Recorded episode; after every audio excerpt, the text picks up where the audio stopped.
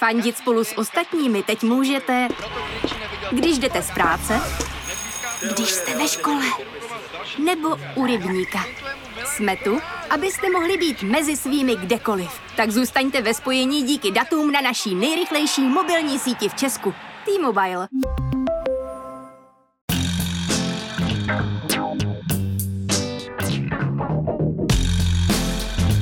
Právě jste si zapnuli stopáž, páteční podcast z pravodejského serveru Seznam zprávy. Je Jan Kordovský a tenhle týden by mě zajímalo, jestli nás mutace Delta donutí vrátit se na Clubhouse, který mimochodem tento týden zrušil svůj elitářský systém pozvánek a ukázal nové logo. Nevím, co v něm vidíte vy, ale mně to přijde docela přesné. Kromě toho jsem tenhle týden připravil trochu netradiční letní epizodu, Strávil jsem týden v Českých horách a bavil jsem se se svým vrstevníkem Vojtou, jak se mu žije, jak se na místní komunitě projevila covidová pandemie a jak vidí svoji budoucnost. Vojta je velký sympatiák a myslím si, že by se vám to mohlo líbit.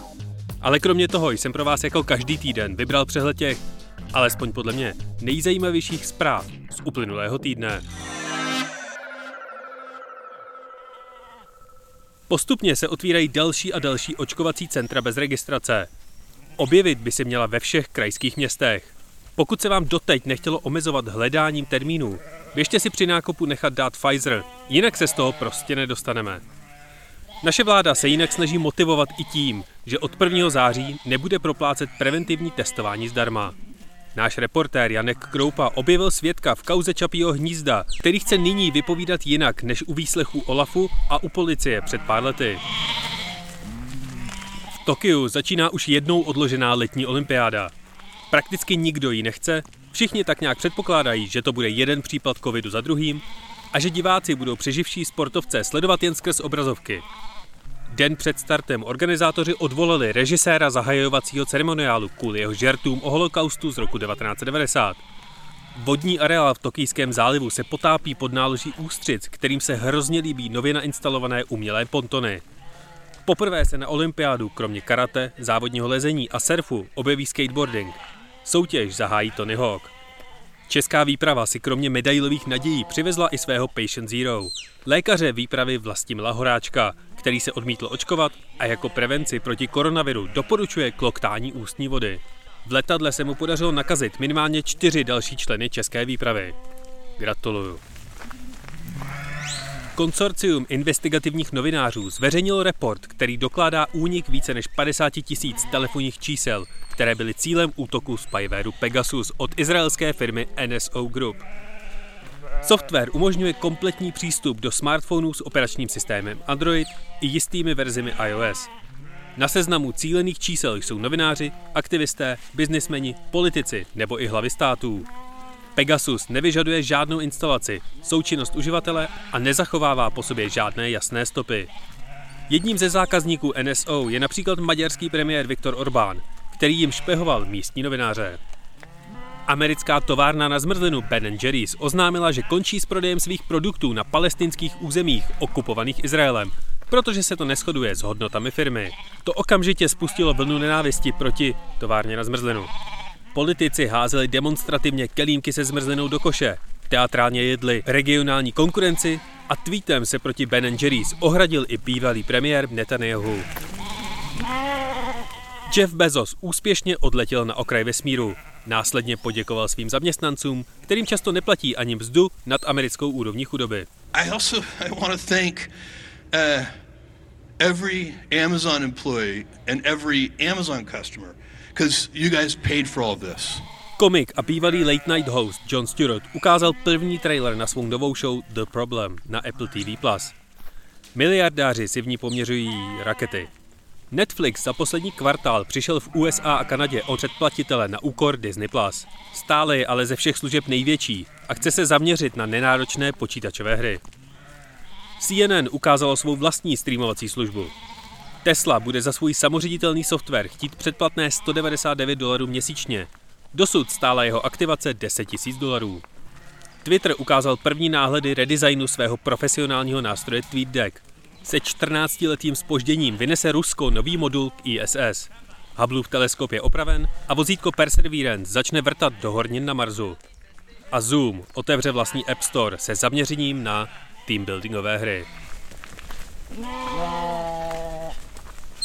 A co se stalo ještě? Zemřeli Milan Lasica, František Nedvěd a dánský karikaturista Kurt Vestegard, autor ilustrací proroka Mohameda. Roman Janoušek opět nastoupil do vězení, Argentína zavedla občanku pro nebinární lidi, Liverpool přišel o svůj zápis do UNESCO a Německo do něj chce zapsat třídu Karl Marx ale. Malajská policie rozválcovala 1069 počítačů na těžbu bitcoinu. Záplavy v Číně uvěznili a usmrtili 12 osob v podzemním metru.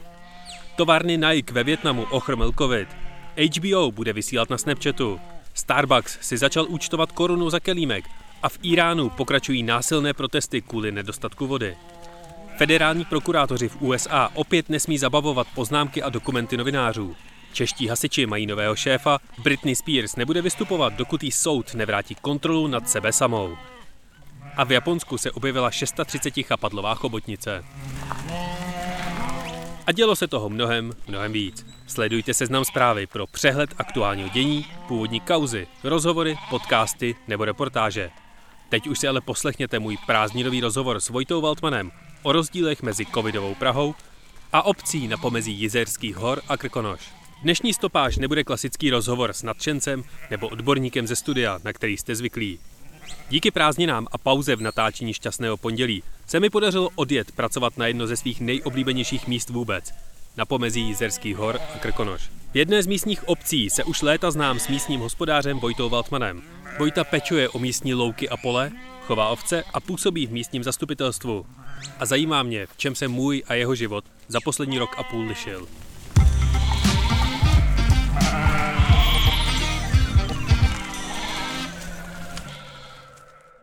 My tady teď sedíme v restauraci na Buďárce v centru Pasek nad Jizerou s Vojtou Waltmanem.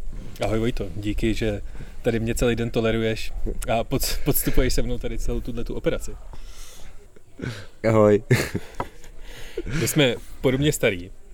Mně je 32, tobě je 30, že jo? Jo, bude.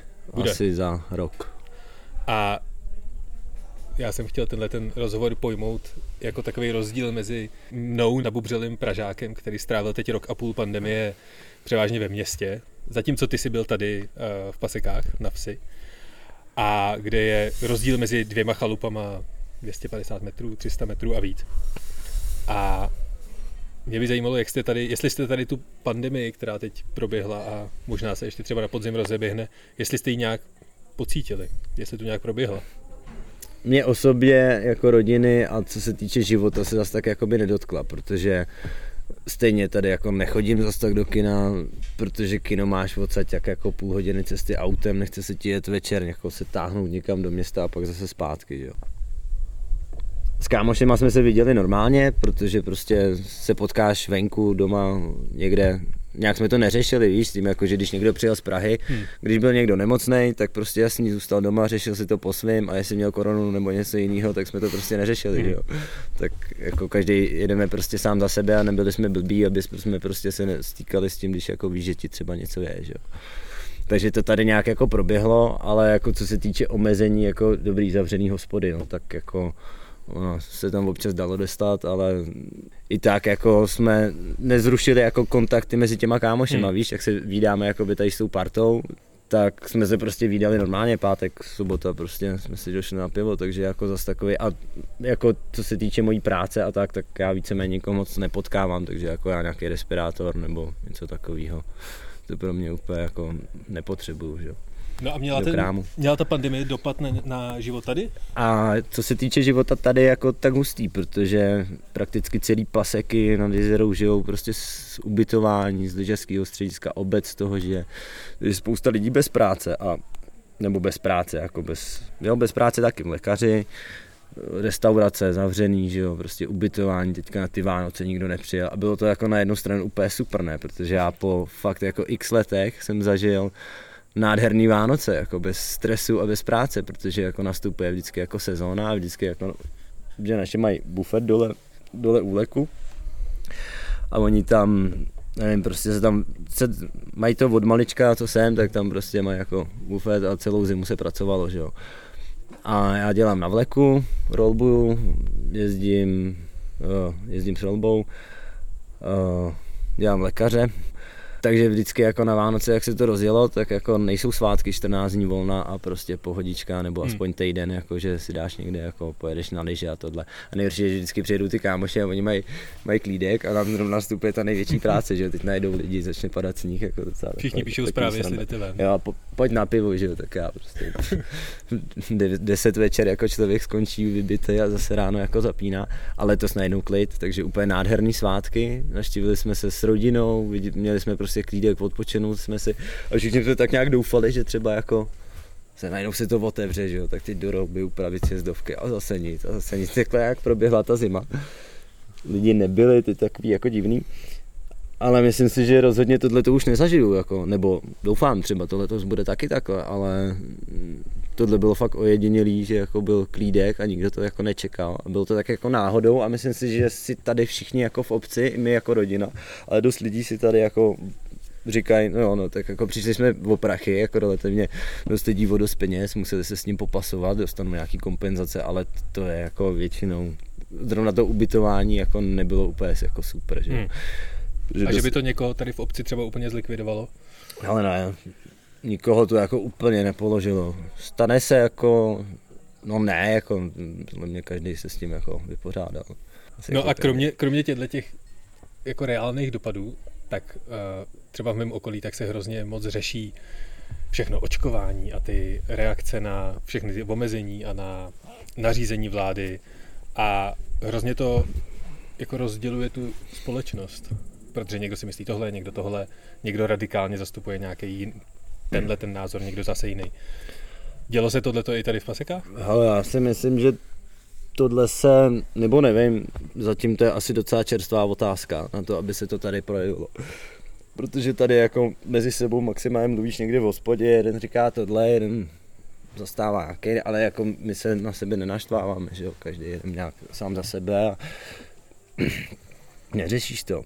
Takže si myslím, že si to spíš jako ukáže ještě časem, jako tohle ještě jako bude mít nějaký vývoj. Tato je zrovna hmm. problematika, jestli se někdo nechává očkovat nebo ne- nechává. Protože ty lidi, co se nenechají očkovat, tak je do toho budou tlačit a teď tam bude vznikat nějaký problém, no a jako, jak to bude dál, tak jako to se uvidí, takže asi bych to zatím nějak jako tohle. Ty už si popsal, co děláš v zimě, ale to rozhodně není všechno, protože a v létě máš taky spoustu jiný práce, ne na vlecích a ne, ne u bufetu. Když jsi před pár měsícema vyplňoval sčítání, co jsi napsal do kolonky zaměstnání?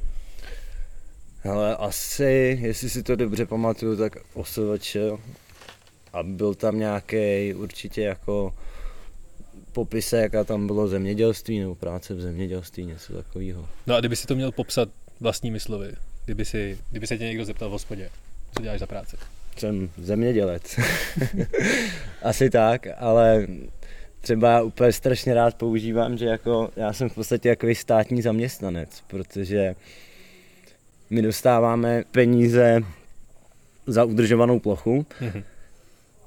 takže vlastně máš peníze za, za to, co děláš. A když udržíš nějakou plochu, tak to má nějaký náklady. Záleží, kde ta plocha je. No a pak máš nějaký zisk z toho, co na té ploše jako vyrobíš. Buď zvířata, nebo třeba plodiny a tak.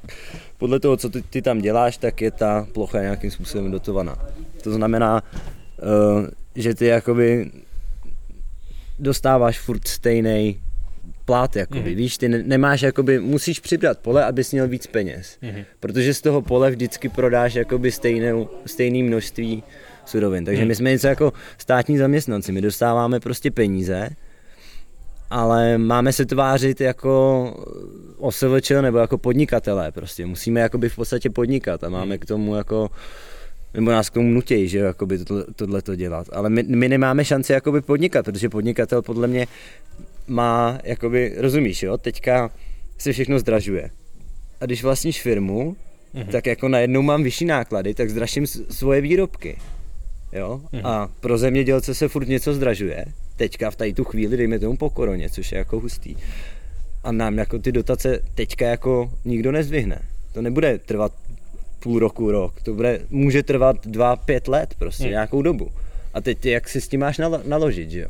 A když prodáváš prostě maso, dejme tomu, ty to maso prodáváš uh, někomu, kdo ti ho třeba odveze nebo sám, ale jsou to jakoby v podstatě výkupní ceny, které jsou nějak nastavené. Ty nemůžeš přijít, prodávám to za tolik. Mm. Ne, oni prostě jako ti řeknou, my to koupíme za tolik a ty řekneš OK a nemáš ještě moc na výběr, protože ty se toho potřebuješ zbavit mm. a třeba zrovna jehňata vykupuje, dejme tomu v České republice, jeden člověk jeden člověk v živým, jakože přijde s kamionem, vezme živý jehňat a odveze, dá ti peníze, že jo.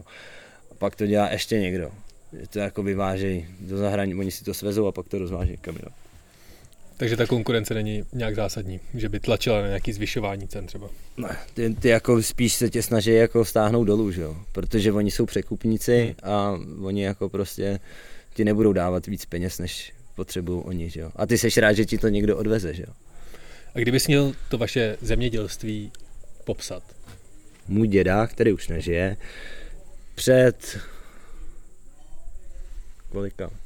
20, 30, ne, ne jako já, zhruba 30 lety, 92, 91 stavili ovčín, 92, bude to 30 let, co koupili první ovce, co postavili ovčín.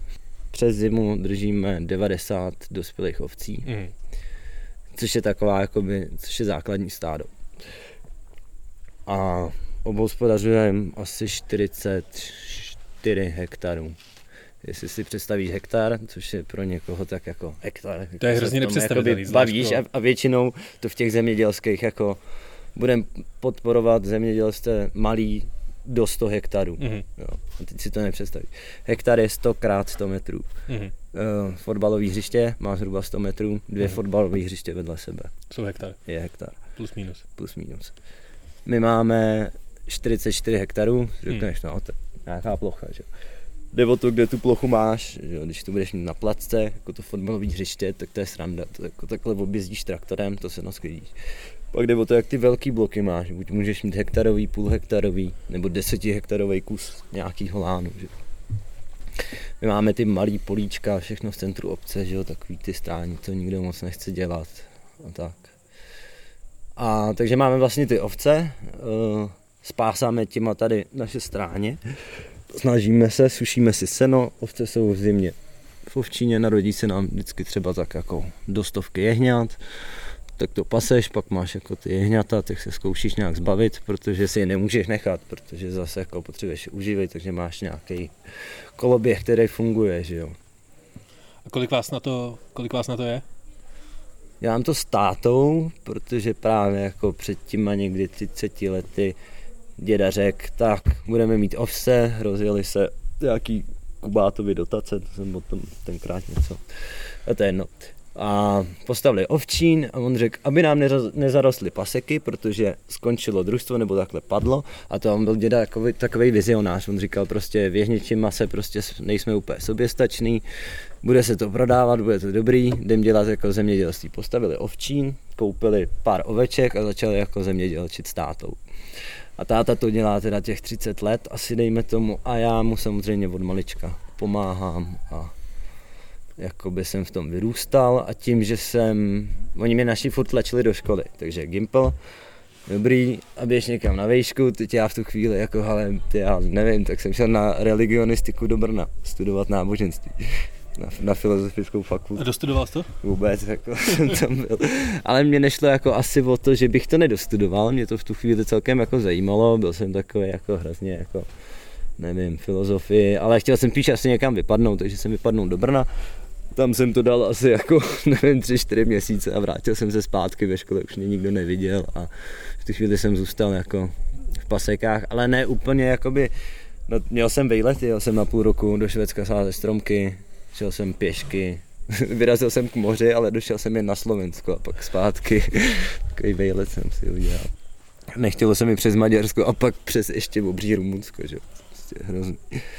Takže jsem jako na Slovensku zpomalil, tam jsem se tak jako prochodil kopce a tak a pak jsem se zase vracel přes sever, jako přes Beskydy zpátky, takhle jeseníky. A rovnou zpátky do pasek? No, jenom pěšo, takhle, z pasek do pasek. Nebyli. Ale a když se řekne 88 fotbalových hřišť, tak uh, obhospodařovat louky, co to znamená? A mluv se mnou, prosím tě, jako s Pražákem. Naše, Ale... naše představa o polích je, že dvakrát ročně přejedeš traktorem a je hotovo. Jasně. Uh, za prvý my děláme jakoby jenom, jenom louky máme, jo? všechno to jsou trvalý travní porosty, protože jsme v Národním parku, jsme v chráněné krajinné oblasti. Orání se tady jako moc nedělá a jsme v pasekách, kde jsme na stráni, kde je samý šutr a kde jako pole se ani nevyplatí dělat, jako tady se snažit jako dělat brambory, to, co se snažili dělat naši dědové a pradědové, pěstovat tady obilí, tak to prostě jako nejde.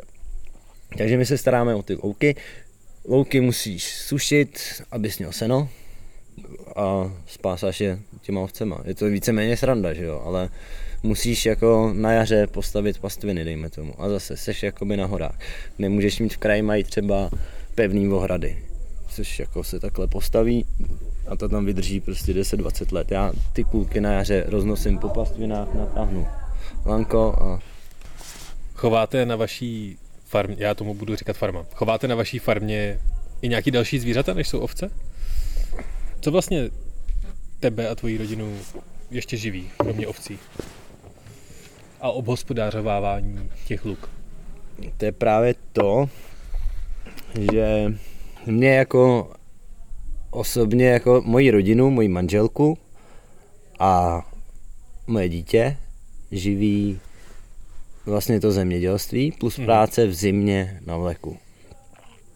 Moji rodinu, kterou beru jako což je u nás na zvonici, u nás jako doma, což jsou moji rodiče, tak ty uh, mají ještě jakoby peníze samozřejmě z toho kiosku, jak jsem říkal, hmm. dole jakoby na vleku přes zimu, mají bufet a ubytování co se týče jakoby tohodle, abys přežil, hmm. tak musíš, jako já v tom, jak dělám zemědělství, musím ještě něco k tomu dělat. Nemůžu jakoby žít jenom z toho, že jo. budu mít uh, to zemědělství. To mě prostě neuživí. Nebo jako jo, ale nebudu do toho zemědělství moc investovat dál. To znamená, že prostě když mám barák, který prostě má už jako potřebuje opravit střechu, nebo potřebuju nový stroj, tak já si ten nový stroj úplně nekoupím, protože si na něj nevydělám jo. z toho, co to, což je blbý. A zvířata, co se týče toho, máme jenom ovce, protože si to na ty ovce všechno zařídilo, což je jakoby to hlavní zemědělský, co děláme. Máme samozřejmě, k ovcem potřebuješ psy, nebo potřebuješ Máme dva psy, který mě pomáhají s prací, respektive jeden. Můj předpoklad je, že když máš ovce, tak eh, z ní máš vlnu, mlíko, ze kterého se dá dělat třeba sír. A kdo ví, co ještě z toho mlíka můžeš dál vyrábět. Maso. Z těch včel máte domácí regionální med, a který taky musí jít určitě na dračku. A určitě toho bude jako spoustu dalšího, co já si vůbec neumím představit. Takže můj předpoklad je, že máte buď svůj vlastní nějaký malý obchod s tím, co je zrovna k dispozici, regionální, aktuální, prostě sezónní záležitosti, a nebo ty svoje produkty dodáváte třeba do bioprodejen po celé České republice. Jak to vypadá ve skutečnosti?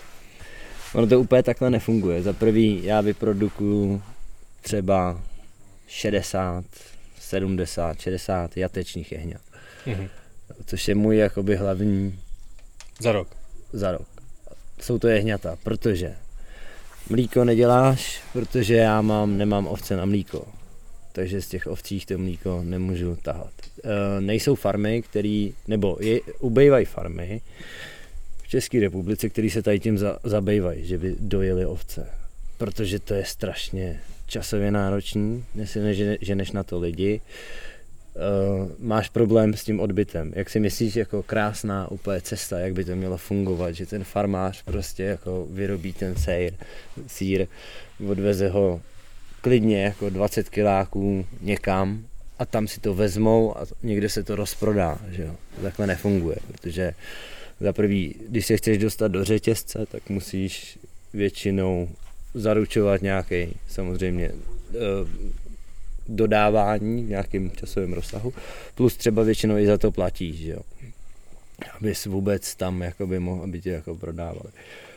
A jako pro mě je nejjednodušší to, co, čemu jediný produkt je to maso. Vlna v dnešní době je úplně jako bezcená, jako to ji neprodáš, lidi vyhazují. Prostě jako vlnu nikdo nechce. Zaplatíš střihače, teď ti to ostříhají. máš doma vlnu a tak ji vyhodíš, protože ti nikdo ani zadarmo v podstatě neodveze. Kdyby si ji aspoň odvez, nebo ji někam odvezeš ty a třeba do sběrného dvora, že? Takže jakoby jediný, co já z těch ovcí mám, tak je maso, který, nebo maso, vlastně jako já prodávám živý jehňata, a to je ta největší sranda, že? protože máme třeba ekologické zemědělství. Ekologické zemědělství má spoustu zemědělců, protože ty, co dělají jenom živočišnou výrobu, krávy, ovce, prasata třeba, tak to je docela jednoduchý, jakoby být v ekologii. Tím pádem můžeš dělat biomaso. Jenže biomaso jakoby končí teďka u mě, ale to biomaso, aby bylo certifikovaný biomaso, tak já bych ho musel převíst autem na nějaký biojatka, tam ho musí bioporazit, protože mají certifikát na bio. Mm-hmm. Jo. A pak když je tam porazej ty jehňata, tak oni z toho budou trupy vysící, zachlazený a ty by se měl ve visu v autě převíst do biobourárny a šokovárny, pokud to není na jednom místě, což nebejvá. Tam ti to rozporcujou, zamrazej, zabalíkujou a máš to jako certifikovaný bio. Takže kdy... jakoby to jehně prostě musí uputovat jakoby třeba 300 km kolečko, aby se dostalo zpátky k tobě před x lidí, aby dostalo jako štempl a mohl by to oficiálně prodat jako biomaso. Ty nemáš jakoby možnost, jakoby já když zavolám na jatka, ale chci porazit 20 jehňat, tak oni, oh, tak jasně, možná někdy se domluví, oni to nechtějí dělat, protože jehněčí je jednak uh, se máš s tím hodně práce, hodně odpadu a málo masa. Když porazíš krávu, tak máš kopec masa, že jo? Jedna kráva prostě jedno pisnutí spoustu věcí. Jehně prostě to musíš to a my na to ani ty jatka nemáme. Proto se jakoby naše, my vyvážíme do, asi Česká republika, já nejsem prostě znalec na takovýhle věci, ale jakoby docela dost toho pryč. Ale na druhou stranu, jakoby třeba jehněčího konkrétně, tak se vyváží normálně do zahraničí. To je jakoby příběh toho mýho masa, že jo. Jakože tvoje ovce končí někde v zahraničí, tak, pravděpodobně. Přesně tak. To je úplně to, jakoby, že mám ekologický chov, tím pádem vychovávám biomaso, biojehně. A já teďka najednou mám třeba 60 jehňat jo, a nevím, jak se jich zbavit. Takže nejjednodušší je jedinýho v podstatě odběratele v České republice, který funguje. Možná by byl ještě někdo a on těch odveze prostě těch 60 jehňat najednou, ale třeba už 20 se mu nebude chtít, protože jako zajíždět tam kamionem a on má prostě kamion, kam narve třeba 300 jehňat, přijede ti na pastvinu, ty mu je tam narvej, zvážíte se, že jo, a dá ti prostě prachy za živou váhu. Akce na odpoledne, super. Bude taky poslední rychlý. Dáme si ještě poslední, když jo. tak ven a zaplatíme ti to. Dobrý. Jo. Díky. A přijede, odveze ti maso, nebo jehně, jehňata v živým a on si to přiveze na svou farmu, tam si je třeba přetřídí a vozí si to do Rakouska nebo do Holandska, protože tam to zase vozí v živým, dostane za to prachy a oni si to tam postupně bourají na těch jatkách a dávají to do řetězců. Ale třeba u nás Makru koupíš jehněčí ze Zélandu. Prostě jakoby moje maso, kdyby se, kdyby se jakoby nechápu, proč jako my to musíme odvážet někam pryč, když by mohlo být v makru tady v mhm. Liberci, proč se někdy nemůže porazit, proč to někdo nezařídí, aby tohle fungovalo. Jako to mě na tom přijde úplně jako nejvíc absurdní, že já to prodávám za nějakou cenu někomu a tamhle si to sežene nějaký Holandian nebo Rakušan koupí to v marketu a ještě to koupí jako konvenční, on to nebude mít bio, to bude prostě, takže vlastně ta hodnota, co tady dělám, spásám národní park, eh, dělám tady jako takový ty pěkný jehňátka, které jsou vlastně ekologický, jsou vlastně bio, tak on je zamíchá s těma jehňatama všema dohromady a už žádný bio není, protože mě bio nikdo nekoupí, to, to je jenom hra za to, já když jsem v, v ekologii, tak mám asi tisícovku něco víc na hektar. Jo? Jakoby, že dostanu víc peněz hmm. za ten hektar, co obhospodaři. No tak proč v tom případě ty produkty, ať už to maso nebo cokoliv dalšího, pokud něco vyrábíte, tak neprodáváš tady sám prostě v malém obchodě v pasekách? No protože to jako nemůžeš prodat, že jo. Kombi, já moje jehně si nemůžu doma porazit a vlastně ti ho prodat. To ani nejde jako, i kdyby za mnou přišel jako kámoš hmm. a řekl bys mě, hele, já to chci oficiálně od tebe koupit na, na lístek nebo na to, tak bych řekl, prostě to nejde, že jo, protože já ti to jehně doma nemůžu zabít. Já ho oficiálně jakoby neprodám. Já ho můžu prodat, můžu ti ho prodat živý. To jo, kdybys chtěl. To jestli ho potom už zabiju já doma, nebo ty doma, to už je jedno. Hmm. A já to jehně jakoby prodám, odvedu z toho daň a všichni jsou spokojení. tak nějak funguje jako tenhle ten byrokratický systém. Když já si chci doma zabít jehně pro sebe, tak si ho vlastně musím prodat, abych odvedl daň. Protože já ho mám jako na skladě, že jo, tak ho nemůžu zmizet ze skladu. Já jsem to jehně jako vyprodukoval, jako je tady, rozumíš, jo? Když mm. máš prostě firmu a máš tam prostě trám, tak ho nemůžeš jako zmizet. zmizet. No takže takový jakoby paradox. Co by se stalo, kdyby si přestal dělat svoji práci? Už jsme to trochu nakousli, ale... Ale víš co, já jsem nad tím přemýšlel. Hmm. Já si myslím, že bych spousty lidem přidělal do starostí a práce. Protože zrovna jakoby tím malým, poctivým systémem, kterým se staráme o ty naše louky, že a jsme v centru obce a máme malý bloky, tak prostě dosekáš někde, jako kam nedojedu traktorem, tak prostě, nevím, máš kanál, máš sloup, jo, uprostřed louky. Když jedeš traktorem, tak budeš okolo toho jezdit a za pár let se tam chytne stromek a za chvilku tam bude prostě strom. Když nejde, nedojedeš kout, tak tam bude strom a ten strom se vykloní do té pastviny a zase budeš jezdit dál a už se rozšíří les.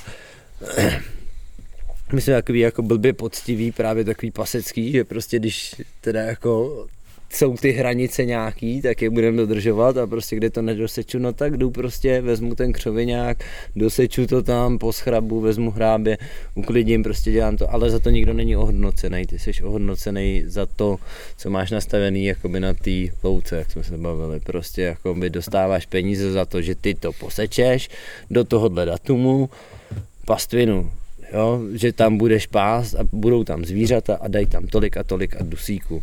Oni si to zkontrolují ty a tak, protože máš ten pastevní denník a já tam píšu, tohle stádo bylo tady a tady a oni se podívají na tu louku, jasně, je tam dost dusíku, protože oni tam byli ty ovce a tak tím pádem jakoby to pohno, pohnojili. Rozumíš? Jo, to prostě jakoby se normálně jakoby tohle to hlídá. No a nepřevzalo by to třeba to družstvo? Moje pozemky. No. Já si myslím, že určitě ne, protože jako mám spoustu, no ně, něco jo, pár hektarů, jako určitě, kam zajedou traktorem, ale jakoby jinak děláme jakoby dost, i třeba pastev, kde jsou jako fakt stráně, kam nezajedeš, kam jako, kde skoro lezeš po čtyřech, je to tam fakt náročný, na jaře, na jaře tam stavím pastviny a pod to sklízím. A jediné, co se tam dělá, tak se to vypásá. Táta do před těma 20-30 lety vykácel, udělal tam prostě jako takový místa na pastviny, kde to zarůstalo, kde se dřív sušilo, kde dřív lidi po té revoluci to ještě zvládali jako sekat a sušit a snášet si to někde do stodol a tak. Tak oni jako obnovili prostě ty oblasti, kde to jako mělo smysl a tam pasem prostě třeba 20 let, tam máme ovce jako v určitých místech a nejezdí tam traktor, nesečeš to tam kosou, pasou to jenom ovce, na jaře tam postavím pastvinu, na podzim to sklidím. A funguje to, nezarůstá to a furt se tam dá projít, je to dobrý, ale v tu chvíli před těma 20 lety už tam byly prostě stromky v průměru 10-20 cm, už tam zarůstalo lesem a kdyby to táta neudělal, tak už to tam je zarostlý, tak tam je les, protože ty majitelé těch pozemků se o to prostě jakoby nechtěli starat, nebo nemohli, prostě už to tam zarostlo. A teď, když se na to vyprdnu, pochybuju, že na to místo přijde někdo další s ovcema, nebo s krávama vůbec ne, ale nevím, jako, to si myslím, že ne, protože tam fakt jako, takže to zaroste asi. A to by mě bude nejvíc líto, jako, že zaroste spousta věcí, nebo spousta míst, který, o který se starám. A uvažoval jsi o tom někdy, že s tím sekneš? No jasně, jasně, že o tom uvažuji. Ale jako, jako sekneš, jako nikdy, vím, že nikdy neseknu, vím, nevím, nevíš nic, ale nechtěl bych seknout jako s ovcema jako takovejma. Když bych šel dělat jinou práci, tak bych si určitě tak jako 20-30 oveček nechal, protože to je sranda, to jako... A co by si šel dělat, když si uvažoval o tom, že s tím sekneš? Jo. No jasně, tak jako práce tady je dost, že jo si myslím. Já si myslím, že nejsem nebo práce. Jako práce zrovna teďka v tady tu chvíli si myslím, že je dost. A myslím si, že nejsem úplně nešikovný na to, aby mě někdo někde zaměstnal. Tím, že máš spoustu zkušeností s ovcema, nemůžeš se živit třeba tím, že budeš je tady v okolí rodit nebo o ně nějak pečovat lidem, kteří na to nemají čas, energii nebo zkušenosti? Jo, šlo by ne rodit určitě ne, ale třeba stříhat ovce, že jo. Jezdím s kamarádem, protože to, to mě celkem chytlo tím, jak jakoby mě baví ty zvířata ovce. Tady kámoš se v podstatě živí tím, že stříhá ovce. Takže jezdíme občas stříhat a to by byla třeba jedna varianta z toho, že to nějak jako umím a umím ostříhat prostě 50-60 ovcí za den.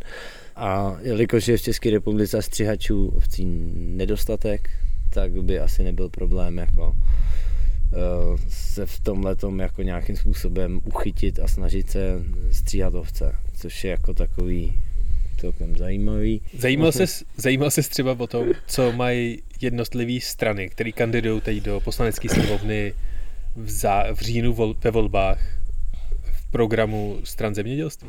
Podle mě k žádný politické straně jako takový v tady tu chvíli nejde úplně o to, jako nějakým způsobem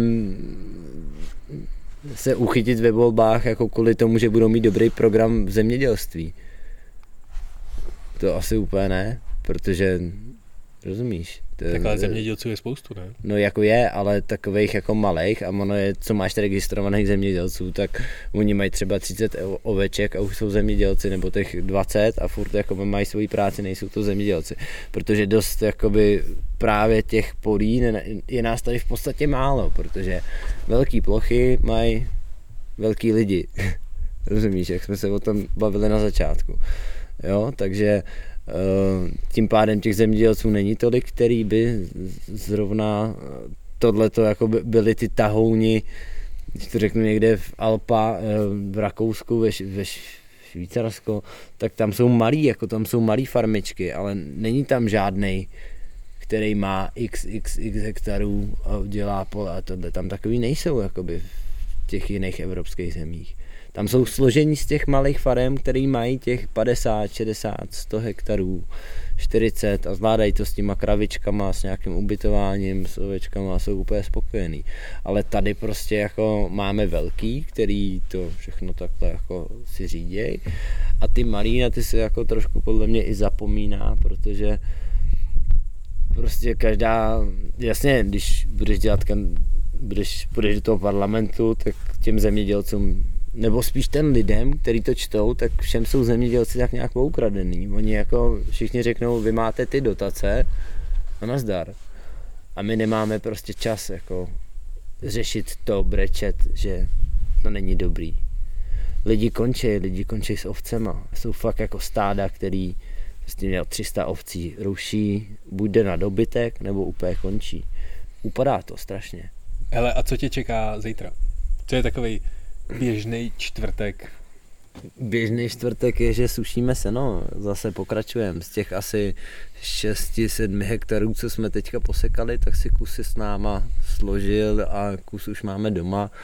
Ale jedem dál, protože pršet má až někdy v neděli, takže do soboty musí všechno domů. A jak se tak nějak jako, že bylo teďka další období bez nějakých výrazných dešťů, i když je zima a fouká což není úplně ideální, nebo ideální, ono na jednu stranu je, ono to seno stejně uschne a nemusí se tolik pospíchat. Takže ráno stával to zase něco to, zítra mi teda čeká dopoledne kontrola z veteriny, no ale to už tady asi nebudem roztahovat. Ještě mě zajímá, kde sleduješ počasí. Nemám chytrý telefon, takže blbě. na internetu. Od Poláků a na radaru, jako, nevím, jako sleduješ, ale tak víš asi, že jo. Na jedničce mají super počasí. Na české televizi, když si pustíš úplně nejsto pro počasí, v někde těch sedm nebo v 6 sedm, co běží, je takový nějaký večerní největší souhrn. To, ty jsou dobrý. Vojto, já ti moc děkuji za rozhovor. já taky děkuji za pěkný večer. to je blbý závěr. Ne, fakt zajímavá zkušenost. Tohle byl rozhovor s Vojtou Valtonem.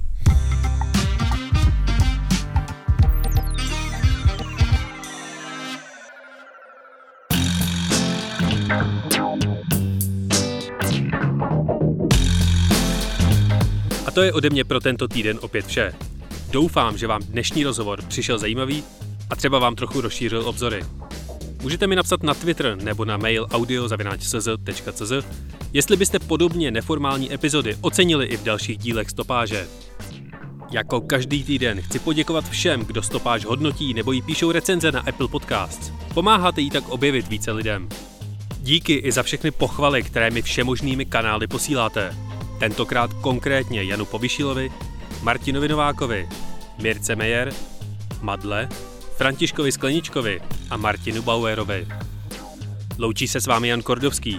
Doufám, že si řádně užíváte prázdnin a příští pátek opět na Seznam zprávách.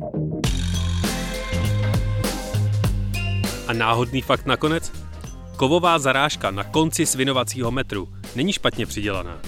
Všechny metry jsou vyrobeny s mezerou 1,58 mm, která se kvrdlá proto, abyste mohli přesně měřit jak od kraje povrchu, tak zaháknutím za hranou.